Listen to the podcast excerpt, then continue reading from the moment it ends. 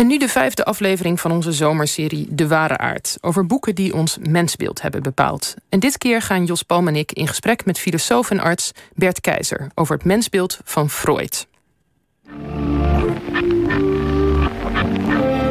Ja, ik denk dat de geschiedenis van mijn ouders en de catastrofe van de 20e eeuw mijn mensbeeld heeft bepaald. Maar als, ik, als ik niet in de mens zou geloven, zou ik dit vak niet kunnen doen. Nee. Ik zeg ook niet dat ik een pessimist ben, maar zonnig. Een boek over kwaad in de mens, maar ook de banaliteit van het kwaad. Je wordt wel gegeven. De hypocriete aard van de mens samen? Ja, en hypocriet... Weet je nog wanneer je het boek voor het eerst las eigenlijk? Nou, ik denk dat het gedurende mijn promotie was. De ware aard. Gesprekken over de menselijke natuur. Het leven zoals dat ons is opgelegd is te zwaar voor ons. Het bezorgt ons te veel verdriet, teleurstellingen en onoplosbare problemen. Zo schreef Sigmund Freud in 1930 in zijn beroemde essay Het onbehagen in de cultuur. Want ook al bood de beschaving bestaanszekerheid, ze had een hoge prijs. Zo waren als gevolg van het aan banden leggen van de mens tot brave burger de seksuele functies van de cultuurmens aan het verstenen. Eigenlijk stelde Sigmund Freud in zijn boek maar één cruciale vraag: is de mens wel geschikt voor de samenleving? En kan hij of zij wel gelukkig worden te midden van andere mensen? Ja, en daarom verdient zijn klassieke Het onbehagen in de cultuur een plek in onze serie De Ware Aard, waarin we boeken bespreken die iets openbaren over het verschijnsel mens. En we bespreken het onbehagen in de cultuur met arts, filosoof en schrijver Bert Keizer. En met onze vaste tafelheer, onderzoeksjournalist en filosoof Thomas Muns. Welkom allebei. Bert, uh, dit boek, wanneer, wanneer heb je uiteindelijk voor het eerst gelezen? Erg in een heel lang geleden? Ja, tot mijn schrik. Het is, ik zei 50 jaar, maar het is denk ik 49 jaar. In... Um, in, 51, in 1969, in mijn eerste jaar filosofie. Ik studeerde filosofie in Nottingham in Engeland. En je moest een bijvak doen. En ik deed uh, uh, psychologie. En we deden Freud. En daarnaast deden we etologie, het diergedrag. Ja. En, en, um, en, en, en uh, heb je nog herinneringen aan, of je onder de indruk was... Ehm, wat, wat, gebeurde er met je toen je Freud voor dit boek ook misschien wel voor het eerst las? Nou ja, ik was dus 21, hè, onbeschreven. En um, ik was nogal... Kijk, Freud is een van die schrijvers die zeker in zijn, uh, in zijn beginnende boeken... die einvulling in psychoanalyse, die voorlezingen... dan doet hij heel erg uh, wat Darwin ook doet. Hè? Hij spreekt naar een ongelovige lezer. Een gelezer die zegt, ja, je kan mij meer vertellen. En dat is heel verleidelijk, hè? want uh, dat doet hij heel sterk als het ging om het verdedigen van zoiets als het onbewustzijn.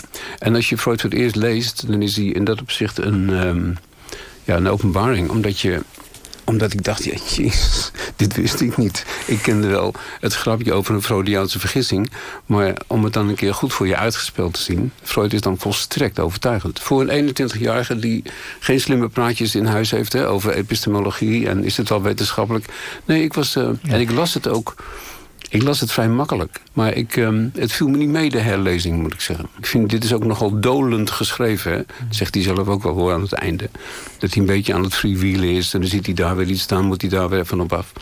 Oké, okay, en, kun je, en was dat vooral vanwege de structuur... dat het wat meandert en dolt?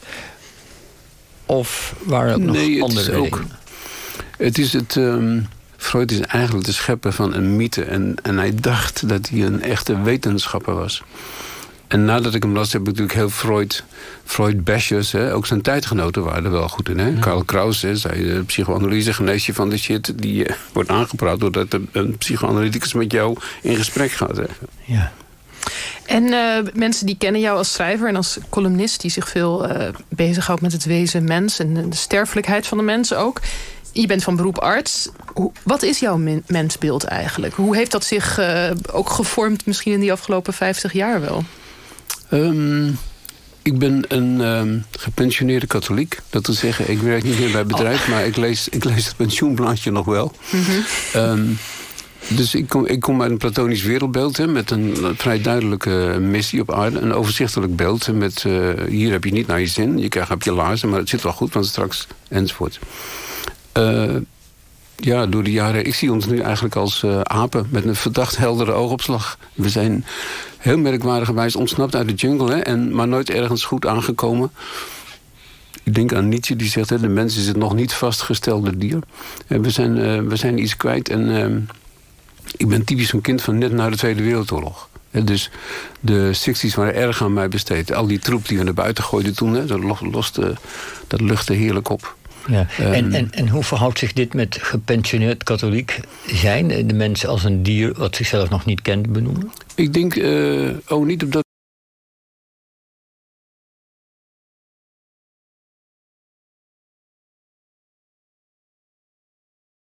Maar het is één Oké. wat ik aan over heb gehouden. Oké. Hey Thomas, ehm, ja, Freud, nu, we zitten nu in de 20ste eeuw. Is het onvermijdelijk dat wij hem als vader van de psychologie opnemen in een ehm, serie over ons mensbeeld? Ja, dat lijkt me wel. Ik denk dat, dat uh, wat Bert ook al zei... Hè, Freud zag zichzelf als arts en als wetenschapper. Uh, als je kijkt naar, naar Freuds eigen pretenties... dan was dat ook echt een wetenschap uh, van de menselijke aard... de menselijke ziel, de menselijke natuur... Um, um, die uh, neer te leggen, die wetenschap. Um, tegelijkertijd is het, is het eigenlijk ironisch om te zien... dat, dat de grote invloed van Freud... waar die is overgebleven... is natuurlijk op, op vlakken waar die zich helemaal niet zo actief tegenaan bemoeide. Namelijk filosofie, literatuur, wetenschappen. He, al die humaniora die gaan enorm met Freud aan de haal.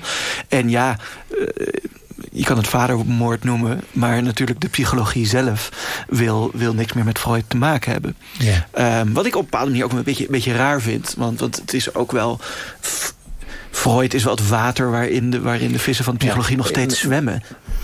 Ja, in dat opzicht is dus Freud als een... Um, Freud hield van archeologie. En een patiënt komt bij hem op bezoek. En kijk, de somatische, de lichamelijk zieke patiënt... die zegt, ik heb hier een bobbel. Hè, of ik heb hier steeds uh, pijnscheuten. En de dokter die kent de taal van je lichaam. Dat is het eigenlijk. En dus tenminste, dat hoop je. Uh, Proest beschrijft je lichaam als een monster wat tegen jou praat. En je verstaat het niet. Maar je gaat naar je arts toe en die zegt van... het is een zus of een zo. Het is een parallellepipose. Buffy heeft erop gepubliceerd. Je krijgt van mij uh, een trilobiet. Dus dat is die volgorde. Maar Freud die deed dat als eerste heel systematisch, heel exact... in zijn visie, met, met psychische bobbels. En mensen komen met een psychische bobbel bij hem die voorheen werd weg, weggehypnotiseerd of weggekletst, weggevreven of gewoon zeg maar ja, niet overgepraat. En bij Freud is er voor het eerst, is de eerste arts die eigenlijk met een microscoop de geest in gaat. En die eindeloos geduld luistert naar de mensen die bij hem komen en probeert achter te komen in God. Waarom zit, ze hier waarom zit zij hier zo mee? Waarom kan ze niet tot een een normale relatie komen met een man. Waarom slaat deze man zijn kinderen zo hard? Dat is, hij is de eerste die daar... En, is, is, en als je dan zijn grote ontdekking, zijn betekenis zou moeten benoemen in een, in, een, in een paar woorden... is dat dan dat hij als eerste bedenkt... we hebben een bewustzijn en een onderbewustzijn... en daar, en daar moeten we, dat, dat moeten we bestuderen? Hij past in het rijtje van de drie grote klappen. we hadden eerst Copernicus, hè, die zei... luister, jullie wonen niet in het centrum. Er is helemaal geen centrum. De zon, uh, het draait niet om jullie heen, het is andersom. En de tweede klap was Darwin, die zei van... Uh, sorry, maar jullie komen toch gewoon uit de slijm tevoorschijn kruipen. Er is geen goddelijke interventie. Hoewel we nog steeds niet weten waar leven vandaan komt. In ieder geval niet uit God. En Freud is de derde klap. De derde klap is dat we dat we niet eens baas zijn in onze eigen ziel. En, en, hij toont dat toch wel aan met overtuigende voorbeelden. Niet baas in eigen ziel in de zin dat datgene wat jij altijd zegt... Hè, ik doe dit omdat, heeft Freud aangetoond in heel veel situaties... dat is helemaal niet zo. Er zijn andere redenen waarom jij dat doet. En als je, als je dat dwars zit, dat, dat je datgene doet... Um, dan kun je bij Freud een verhaal halen... waarop je een beetje verlost wordt hè, uit die uh, misvattingen over. En dat is iets wat... Um, uh, ja, dat is eigenlijk de, Freud is dan de eerste die... Uh, en dat is niet gering. Dus uh, jij zegt net, dat is het water waar de, waar de, de psychotherapie is. Ja, als jij naar een psychotherapeut gaat... dan heb je een bobbel in je geest. En er zit ergens een kronkel. Je kunt hem er niet uitkrijgen. Je wordt er ongelukkig van. En jij verstaat niet wat jouw geest tegen jou zegt. En, en, als, en de psychotherapeut gaat je als, daarbij helpen. En als we nou van de psychotherapie en het individu stappen naar Freud... Freud en zijn kijk op de samenleving. Wat is dan dit boek, Thomas? Is hij hier op zoek naar de bobbel in de geest van de samenleving? Nou, wel... Het wel... onbehagen in de cultuur, hoe zou je ja, dat boek kijk, samenvatten? Eigenlijk om, zit het in die titel, hè? Um, het... het um, in, niet alleen is de mens, kan een, kan een individu ongelukkig zijn... doordat er iets iets overkomen... of omdat hij een verkeerd verband heeft gelegd... of een verkeerde associatie heeft gelegd. Maar, zegt Freud, de mens um, als samenlevend wezen, de mens in een samenleving, um, is ook altijd gedoemd tot ongeluk, tot ongemak. Um, hij benoemt in het, in het boek drie bronnen van ongemak. Enerzijds de natuur die op ons inbeukt. Uh, regen, aardbevingen, trams, al die dingen. Um, het, het lijf, het lichaam dat, dat aftakelt. En ten derde het samenleven met anderen. Het feit dat je mensen dingen tegen je zeggen die je niet kan, geen plek kan geven. Iemand die een betekenis oproept uh, bij je, die je helemaal niet zag aankomen, waardoor je uit het lood geslagen bent. Um, dus dat, dat is een. Dat, dat idee dat dat in een individu zit, zegt Freud, ja, dat zie je eigenlijk in de hele in de hele samenleving. En toch nog heel even die term, want het heet het onbehagen in de cultuur. Ik moet zeggen dat ik zelf dan vond het lichtelijk verwarrend. Want cultuur, zoals hij hier zegt, dit is niet kunst en cultuur, museumjaarkaart, cultuur. Het is iets heel anders. Nee, nee, nee, nee, het, is niet, uh, het is niet een leuk cultuurprogramma. Ja, het gaat niet over het, eh, het kabinet en hun kijk op. Uh, nee. nee. Bert? Ja, we moeten hier even ruzie over maken. Wacht even. Oh, ik heb even opgeschreven wat Freud zegt dat cultuur is. Uit het boek, hè? Ja. Cultuur is het totaal van prestaties en inrichtingen... waarin ons leven zich onderscheidt van dat van onze dierlijke voorouders... en die een tweeledig doel dienen. Ja. Bescherming van de mens tegen de natuur... en regeling van de betrekkingen tussen mens, mensen onderling.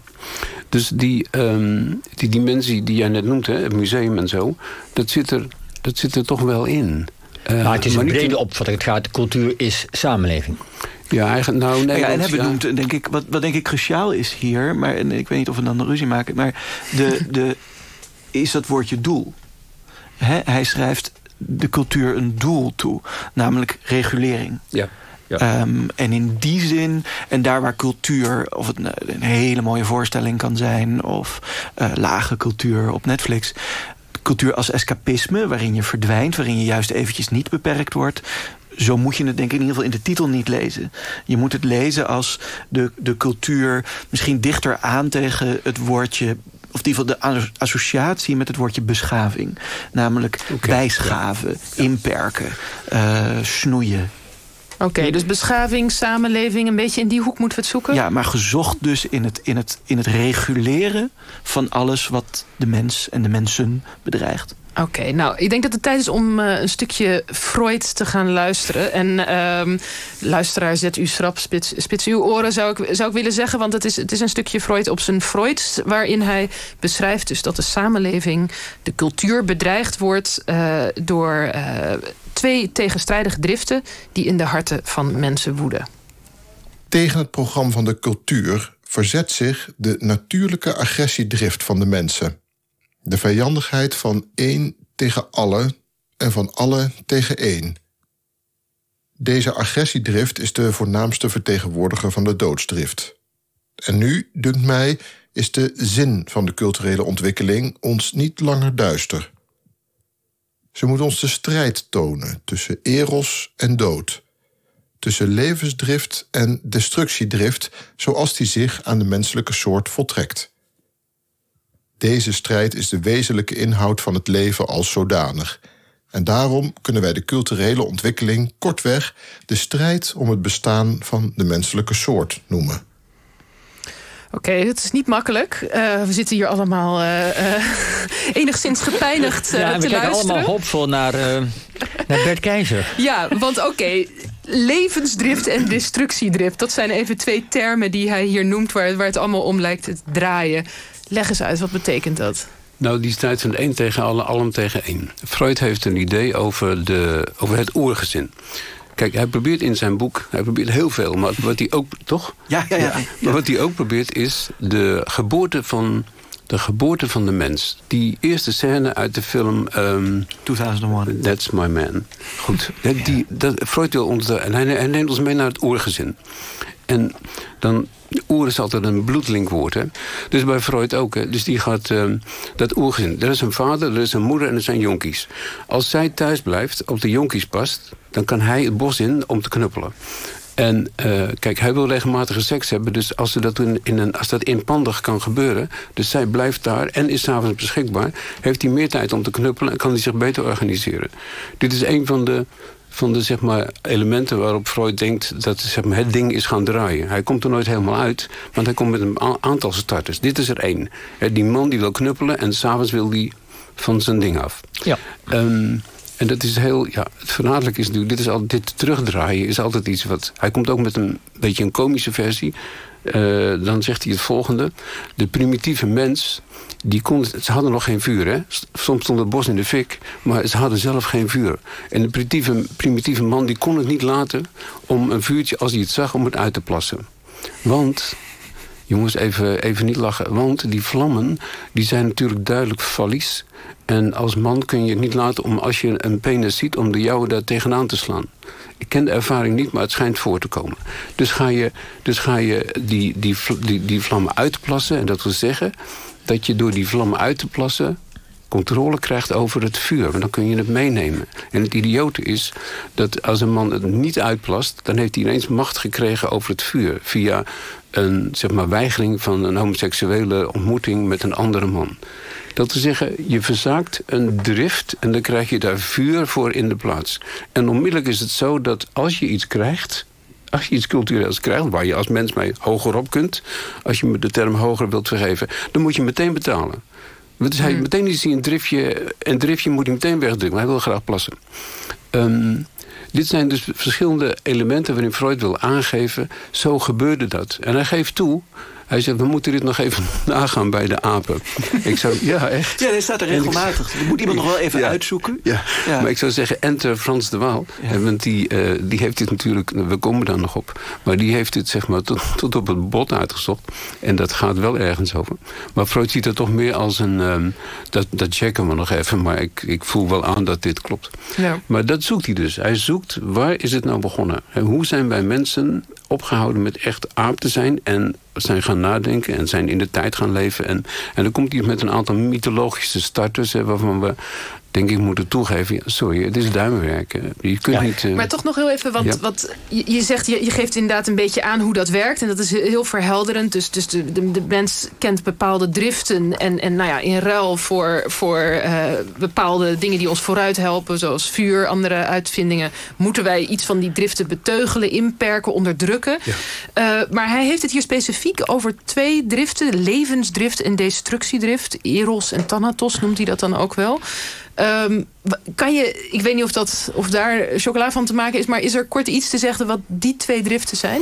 Ja, Thomas moet zo ook even iets zeggen. Maar dit is, ik vind dit heel lastig. Weet je, en dit is zo lastig omdat dit soort concepten... waar, waar, waar Freud mee uh, nou, vreubelt, hè, een beetje mee zit, uh, zit te kleien... Um, die, die veranderen heel snel. Dus hij, hij is continu is hij die concepten een beetje aan het slijpen... een beetje een ander aspectje erbij. Komt er weer een patiënt tegen die enzovoort. Dus hij is daar veel, veel mee aan de gang. Eros is duidelijk. Eros is de verbinding. Die kan libidineus zijn. En onder libido valt ook vriendschap. Prettige verbondenheid. Dat is eros. Mensen willen zich aan elkaar koppelen. Ja. En uh, die thanatos, of die doodsdrift, uh, ik heb daar niks mee. Ik, ik, kan dat niet goed volgen. En ik vind het ook onzin. Ik vind dat de agressie is veel duidelijker. En dat begrijpen we wel. Maar voor Freud is agressie niet hetzelfde als doodsdrift. Agressie is een aspect van die doodsdrift. Maar die doodsdrift, ik moet jullie bekennen... ik kwam daar niet zo goed uit. Ik snapte niet goed hoe die dat tevoorschijn toverde. Het, het, het rare is dat hij op een aantal punten suggereert... dat het ook de zelfdestructie is. Um, en hoe ik het dan lees, um, is je willen meten. Kijk, wat, wat reguleert die samenleving, wat reguleert die cultuur... dat is enerzijds dat libidineuze. Het feit dat ik leer van kinds af aan dat ik soms niet mijn driften moet bevredigen... en eigenlijk steeds vaker niet. En tegelijkertijd reguleert de samenleving iets heel dieps, namelijk dat we anderen willen domineren. Dat we af en toe de neiging hebben om het op te nemen tegen iemand. Uh, juist niet te verbinden, uh, maar juist agressiviteit te tonen. Ja, dus die samenleving vraagt offers van de mensen. Ja. En een van die offers die de samenleving vraagt... En, en dan wordt Freud volgens mij ook echt boos in het boek als hij erover schrijft... is namelijk het christelijke begrip wat de katholiek van ons aan tafel... althans degene die zich openbaar bekend heeft tot het katholicisme net... Uh, Bert Keizer moet gaan uitleggen. Hij, hij wordt ontzettend boos over het begrip naastenliefde. Heb u naaste lief als uzelf? Hij zegt dat bewijst dat er iets helemaal mis is. Dat we verkeerd getemd worden. Hoe, waarom maakt hij zich daar zo boos over? Freud heeft een bloedhekel aan godsdienst. Ja. Hij zegt er is maar één Um, er is maar één, één denkstelsel en voelstelsel... dat uh, de zin van het leven werkelijk zeg maar, verbeeldt... en daar ook een, een duidelijk verhaal bij heeft. En dat is het godsdienstige uh, wereldbeeld. Waarin je dus op je lazen krijgt op aarde... zodat je straks, hè, word je daarvoor beloond. Nou, hij verwerpt dat, maar hij vindt het verschrikkelijk... Uh, dat mensen uh, tot God bidden... en hij ziet dat als een voortgezet infantilisme. Dat woord gebruikt hij ook. Hij vindt dat een afschuwelijke, een beschamende kinderlijkheid. En dus hij zegt, het is verschrikkelijk als je bedenkt... dat de meeste mensen nooit verder zullen komen dan dit. En met dit zie je hem zeg maar, zijn gezicht van afgereizend vertrekken. Hij vindt godsdienst echt iets afschuwelijks. Omdat het zo, zeg maar, ja, debielmakend is. Maar hij zegt, hij gaat met, dat, met die woede over het begrip naaste liefde... ook nog een ander stapje verder. Hij zegt, het is tegen natuurlijk, dat begrip tot naaste liefde. Want je, hoe kun je de naaste die je eigenlijk helemaal niet kent liefhebben? Dat slaat nergens op. Hij zegt, het is een verschrikkelijke eis. Maar het leuke van die eis, en hier komen we op wat Freud dan bedoelt met een, eh, een geweten... dat je, wat je als kind naar binnen werkt en, sorry, hier is Freud natuurlijk wel heel inzichtsvol. Mm -hmm. hoe, hoe krijg je een aapje zodanig dat het een keer piano gaat spelen? Uh, en dat lukt hè, in het leven. En een van de dingen die, uh, die daarin werken is dat je je ouders, hè, die zijn een autoriteit. De ouders zijn erg veel groter dan jij. En um, waardoor je de verboden die je ouders jou opleggen, die, uh, die blaas je een beetje op. En dus de, het geweten, die naar binnen gewerkte ouder, hier heb je dus het onbewuste. Hè? Deze, je vader en moeder, die gooi je naar binnen. En de politieagent en de staat, die gooi je naar binnen. Dat wordt een autoriteit die zich binnen jou vestigt. En uh, ja, die ziet de hele dag wat je denkt. Het mooie van het Uber-ich, dat is dat het zelfs, um, zelfs je gedachten in de gaten heeft. Je hoeft niet eens nare dingen te doen. Hè, want een, je geweten ziet al dat je denkt aan de mogelijkheid. Ja, hij schrijft geloof ik letterlijk, het, het boven-ik ziet alles. Ziet alles, En ja. net als God. Geweldig. En net als grote broer ja. uit, uh, uit Orwell. Ze ja. zien alles. En dus, dat betekent wel... dat we in ons iets hebben gebouwd... waardoor we onszelf voortdurend censureren, aanpassen, et cetera. En dat heeft de samenleving ons opgelegd. Zeker, onze ouders die hebben ons uh, op, de, op die manier ja, tot mens gemaakt. Als we geen ouders hadden, buiten een menselijke club opgroeien... dan worden we helemaal geen mens. Dus dat is een, uh, maar het, het mooie van Freuds inzicht is dat hij... als je vanuit die positie van het geweten... wat zo streng is en zo hoog boven je uittorent... als je vanuit die positie een gebod oplegt aan een kind, aan een mensje... dan, um, sorry, dat, dat drukt heel zwaar. En die naaste liefde, dat je van iedereen moet houden... is, is zo krankzinnig, zegt Freud, omdat... Nou, Charlie Brown, die zegt... Um, I love mankind, it's people I can't stand. Uh, dus de... Uh, die hele diffuse liefde, dat is iets afschuwelijks. Dat is helemaal geen liefde. Daar, daar kan ook helemaal geen... Trouwens, zegt Freud, dat is een van zijn weinige grapjes... hij zegt, een hele hoop mensen zijn het gewoon niet waard om van te houden. maar is, hij is niet zo vaak grappig, maar soms is hij wel grappig. Ja, dus die naaste dat is waar die, ja, hij wordt daar echt pissig over. Hè? Omdat hij, hij weet van, als je dat in een kind duwt... Hè, nou, dat is een goed recept voor een levenslang ongelukkig zijn. Want je kunt er nooit aan voldoen. Ja. ja. En uh, laten we even toegaan naar het moment waarop dit is gepubliceerd. Hè? Waarop, hij voltooide het essay in 1931. Dat was toen uh, hij de, de, de slotalinea op uh, papier zette, geloof ik. En daar hebben we het nog eigenlijk helemaal niet over gehad. Maar proeven wij de geest van die tijd? Ja, zeker in die slotalinea, hè, waar hij het erover heeft. Dat, dat kijk, de, die cultuur die er was om ons te beschermen tegen de natuur. En met die cultuur waarin we niet alleen de externe natuur in bedwang hebben genomen, maar ook onze eigen natuur. Hij zegt, die is nu zo sterk, door middel van technologische vooruitgang... Uh, dat we de mens tot op de laatste, tot op de laatste mens uh, kunnen uitroeien. Je, je ziet een, een, een uh, pessimisme ook over techniek... en een, een pessimisme over um, ja, de mens die zo ver gegaan is in het, in het disciplineren... in het aanrichten van, uh, van ook natuurlijk slachtingen in de Eerste Wereldoorlog... die iedereen daar te boven rezen. Um, en natuurlijk, dit is, dit is, um, hij zit op dit moment nog in, in Wenen. Acht jaar later moet hij vluchten. Um, uh, omdat Oostenrijk uh, bij, de, bij Nazi-Duitsland is gevoegd. Het wordt om hem heen naarder en naarder. En Europa wordt donkerder en donkerder. Dus je ziet een, een, een, ja, je ziet een groot pessimisme in dit. Ja, en, je hebt het over. een dreiging. Ja, je hebt het over die technologieën. Dat is ook één element uit het boek waar we het nu nog helemaal niet over hebben gehad. Maar hij gebruikt die geweldige term prothesegod voor de mens. Hij zegt de mens is een soort prothesegod. Ze hebben allemaal protheses, allerlei werktuigen, technologische innovaties. We hebben telefoons waarmee we heel, dingen van heel ver weg kunnen horen. We kunnen, met vliegtuigen kunnen we vliegen. Um, en dat, daar zit duidelijk iets in van... nou, we hebben ons blijkbaar iets goddelijks eigen gemaakt... maar het is niet iets wat geluk brengt. Nee, de, de, de eindigt die alinea dan. Hè, van ik kan mijn vriend, als mijn vriend een enorme reis heeft gemaakt over de oceaan in een stoomschip, dan kan die me zodra die voet aan wal zet, uh, kan die me laten weten dat hij heel huis is aangekomen. En de en dat daarna volgt, en we zijn nog steeds niet gelukkig. Um, omdat dat geluk is natuurlijk is, is iets dat, is dat libidinale zit daarin. Hè, dat je je wil binden aan objecten die je lief hebt. We hebben een geluk dat in die agressie zit, dat we ons willen testen.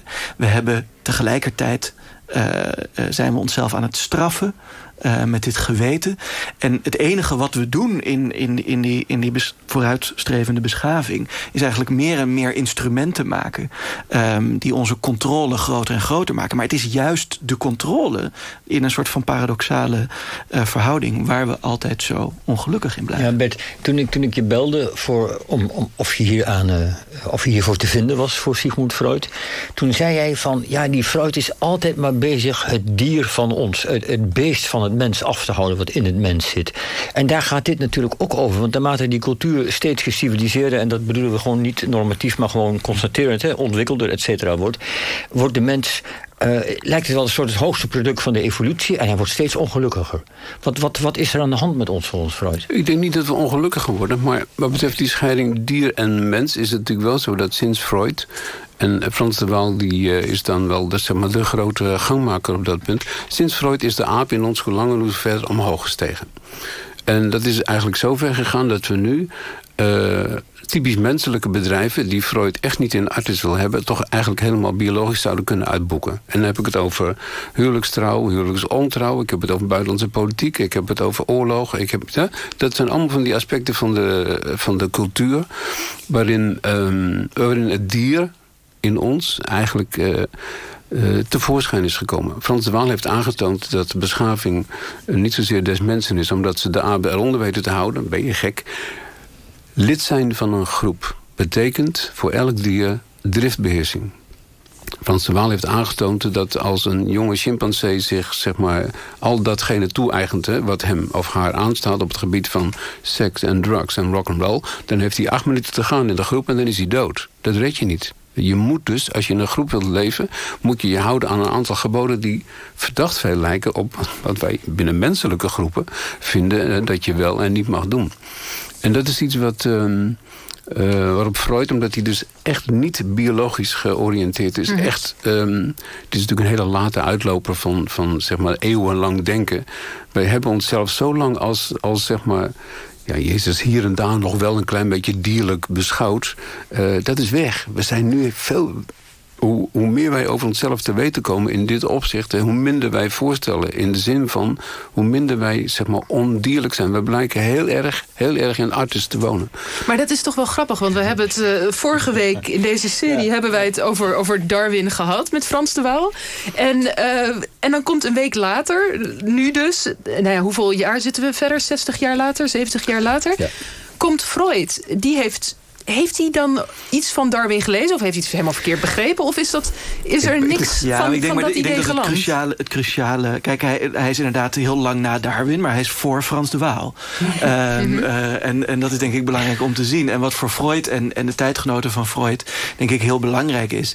is dat het... het uh, de mens is niet alleen uh, een uitloper van de dieren. Uh, stamt er niet alleen van af. Maar er is één cruciaal onderscheid. Dat iedereen is het er wel mee eens de mens is een betekenisgevend dier. Uh, de mens is een talig dier. En ik denk wat, wat Freud heel erg goed ziet... is dat heel veel van ons ongeluk niet alleen gaan over de, de lijfelijke aantrekkingskracht... tot eten en seks, maar vooral tot de manier waarop we dat symbolisch... en dan ook nog eens een keer vanaf de kindertijd... met allerlei uh, um, momenten, met allerlei frases, met alle, allerlei spraak... Um, dat we dat symbolisch eigenlijk vormgeven en symbolisch onderdrukken. Het is uiteindelijk ook een pratende therapie. In dat praten op e- is de psychoanalyticus grijpt op een bepaald moment in... en zegt, hé, hey, waarom gebruik je dat woord? Of die herhaalt alleen maar dat woord. Dus dat is voor Freud denk ik het belangrijke onderscheid... tussen, tussen denk je dan dat, de aap uh... en de mens.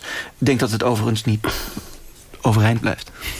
Nou ja, ik kom met de stomzinnige vraag. Denk je dat de aap ongelukkiger is omdat hij... of gelukkiger is omdat hij zo weinig aan symboliek doet? Ik, ik help het hem hopen. Nee, maar, nee, maar dit is heel lastig. Ja, dit is heel lastig. Want kijk, ook natuurlijk, filosoof, de Nederlands filosoof Eva Meijer heeft onlangs uh, een, een, boek gepubliceerd over um, de taal van dieren. Um, de dieren zijn wel degelijk talig. Ja, maar wacht even. Nee, maar we zijn er wel uit dat dat wij, de menselijke taal is wel een hele speciale. Ja, en, nee, tuurlijk. En, en het ja. is niet zozeer... Ja.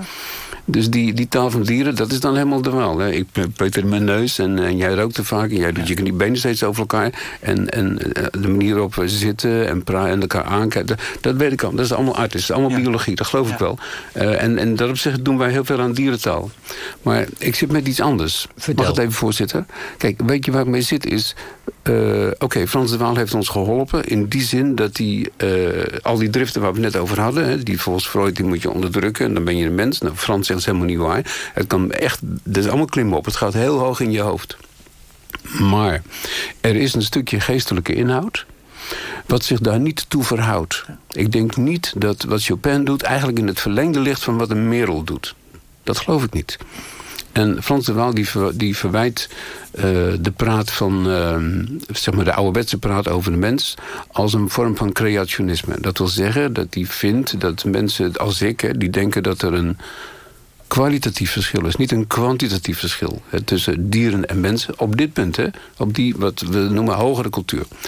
Um, Frans zegt, ja, dat zijn creationisten. Die zeggen, ineens ging het lampje aan. En toen begon een, toen begon een aap met, met wiskunde. Of toen begon een aap met poëzie. Of toen, als je naar die rotse schilderingen kijkt hè, uit uh, Lascaux. Die zijn verdacht goed trouwens. Hè. Mm. Dan denk je van, dit is geen primitief stadium. Maar goed, uh, is daar een lampje aangegaan. En dat vindt Frans Waal heel onwaarschijnlijk. Maar ik heb nog nooit een goede illustratie gezien van een, van een tussenstadium. Waarbij iemand zegt, nou, weet je, die zit, al, die zit al een klein beetje in de richting van. Ik heb geen idee. Misschien ja. onze... Nou ja, en, en, en, het, en het verstrikt raken. Ik bedoel, misschien is, er, is, is de eerste stap wel afbeelden. Maar vervolgens zelf verstrikt raken in al die afbeeldingen. Uh, dat is ook nog stap twee. En ja. dat is denk ik wat Freud Ja, en, en ik hoorde nou, Bert straks zeggen over een tijdje geleden van... Uh, we zijn allemaal vooral artis. Uh, we zijn artis, we zijn, we, we zijn niet veel verder. Het kan maar best wel zo zijn dat we al die driften nog hebben... maar ondertussen leven we wel in een, niet in een dierentuin... we leven in een mensentuin, maar we allemaal vrij rondlopen. Dus in die zin blijft natuurlijk dat werk van Freud uh, onbehagen in ieder geval niet, geen, laten we het vertalen als niet zomaar welbevinden in de cultuur, niet zomaar gelukkig zijn in een samenleving die beperkingen oplegt, blijft misschien toch staan als een, als een huis en als een belangrijk boek om over, voor ons om ons te verhouden tot, tot de samenleving en tot, tot hoe, hoe dat moet. Hoe je een samenleving moet inrichten. Hoe kijken jullie daarnaar? Ik weet niet wat ik moet zeggen. Ik denk dat, um, dat onbehagen in de cultuur is... Um, Freud doet net alsof hij en, en dat, dat zegt hij ook uitdrukkelijk. Hij kijkt naar dat oergezin waar we het over hadden. Hij knuppelt, hè, en, en s'avonds is hij thuis en dan moet zij zich naar hem uh, voegen. Uh, hij denkt, die, die primitieve mensen... die kon zijn driften veel beter uitleven dan wij.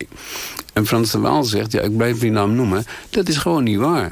Er is, helemaal, er is nooit een dier geweest wat om zich heen kon maaien... op de manier waarop Freud daarvan droomt. En dus we zijn niet ongelukkiger geworden. Dat is gewoon niet waar. Uh, Beckett zegt, you're human, there's no cure for that. Wij zijn mensen, daar is geen genezing voor. Er bestaan geen pillen tegen. En Freud heeft wel dat idee dat we... Hij komt met een soort hof van Ede aanzetten. Overigens is dat wel een fantasietje dat alleen maar geldt... voor, de, voor het mannelijke lid van het gezin. Ja, ja. Ik, ik, ik ben toch ook wel... Uh, ja, nou ja, kijk, wat het is... Verschrikkelijk, echt waar. Ja. Maar Jos, ik hoor een beetje in wat jij zegt... misschien is de, de, de analyse... De, de mens is ongelukkig in de cultuur, die staat nog... maar alleen de verklaring ervan misschien wat minder. Ja, dat zou ik ook zeggen. Ja. Omdat in de natuur is het helemaal niet zo... Jezus zei, kijk naar de lelien des velds, hè, maken zich geen zorgen... Hè, wat zal ik aandoen morgen. Kijk naar de mus, hè, die fladdert maar een beetje rond. Dat is gewoon niet waar. Biologen weten heel goed dat... Um, een mus van een roodbosje weten we toevallig heel erg goed. Dat is een keer goed uitgezocht door David Leck in Dartington. Van een roodbosje weten we, dat is, jongens, dat is zwoegen. Om aan die zaadjes te komen waarmee, waarmee ze haar dag doorkomt. Dat is gewoon, dat is hard werken. Ja, maar ligt een roodbosje s- eh, s'avonds wakker in zijn nestje van... wat ga ik morgen doen? Nee, dat is het weinige wat ze bespaard is gebleven. Dus ze, le- ze leven niet in de tijd zoals wij. Ja. Dat ben ik wel met je eens. Maar het is niet zo dat een dierenleven over het algemeen eigenlijk kwestie is van... nou, is gewoon een lange glijbaan naar het graf. Sorry, dat is gewoon niet zo. Het is moeite hebben met je dag. Dat is iets heel gewoons in de biologie. Waarom? Omdat, nou ja, Darwin heeft het gezegd... Hè, we zijn met z'n allen tegen, met, tegen de andere allen bezig hè, om overeind te blijven. Dat, Darwin ziet dat in een, eh, in, een, in, een klein grasveldje, ziet hij het al gebeuren. En dus die moeite die we hebben om te leven... dat is niet iets wat uiteindelijk een, een uitleg behoeft, zeg maar, à la Freud. Het is een, Nou ja, en, en, en toch... Kijk, wat, wat Darwin wel ziet met dat roodborstje... ehm, het, het roodborstje verzamelt... heeft een, heeft een overlevingsmechanisme. Hè? Ehm, en wat denk ik, waar Freud ook overeind blijft... ehm, of het nou een glijdende schaal is of niet... is dat wij een lustprincipe hebben. En niet alleen een overlevingsprincipe. Dat we verzot zijn op dingen. Dat we dingen wensen die misschien als we ze hebben ook al niet meer willen. Ehm, dat we dingen eh, eh, wensen die misschien helemaal haak staan op onze overleving. Ehm, dat we dingen willen waarvan we weten dat we ze niet moeten willen, maar we doen het toch. Ehm, dus dus het, het, Freud voegt wel toe dat, dat een, zeg maar, een rationeel... eh, dat, we, dat we irrationeel zijn. Dat we gedreven zijn niet alleen door alleen maar eh, overleving en dan weten hoe je overleeft. Maar dat we voor onszelf iets kunnen scheppen waarin we, nou ja, nogmaals helemaal kunnen verdwalen. Ehm, en achter onze eigen staart aan blijven lopen. Ik ben ook nog wel benieuwd, we, we hebben het er al een beetje zijdelings over gehad... maar Freud is zeker binnen de psychologie, eh, kunnen we dus wel zeggen... is, is hij een, gevallen held of hij wordt gezien als wetenschappelijk achterhaald. Wat betekent dat nou voor, als we dit boek nu nog lezen... is dat dan ook dat we dan zeggen, nou ja, het is, het is een sprookjesverteller meer dan, dan een wetenschapper? Of... Dat zal zo zijn, maar dan nog, ook als je hem beschouwt als een literair auteur... dan is hij nog altijd de moeite waard om daar kennis van te nemen. Zo keek deze toch op zijn eigen wijze zeer uh, oorspronkelijke en geniale man. Zo keek hij aan tegen hoe mensen zijn met zichzelf en met anderen leven in 1930. En dan is, hij, dan is hij een uitermate boeiende man om te lezen. En vergeet niet dat toen hij schreef, werd hij heel snel door, niet door duizenden, maar door honderdduizenden mensen werd hij ge geadopteerd als, ja, dit is de, de Newton van de geest. Nu weten we eindelijk hoe we en niet de minste geesten onderwierpen zich aan uh, psychoanalyse. Beckett, uh, die had angstaanvallen, hartkloppingen. Die is uh, drie jaar in die analyse geweest. Hè, tegen, tegen zijn eigen, dit is volgend op de dood van zijn vader.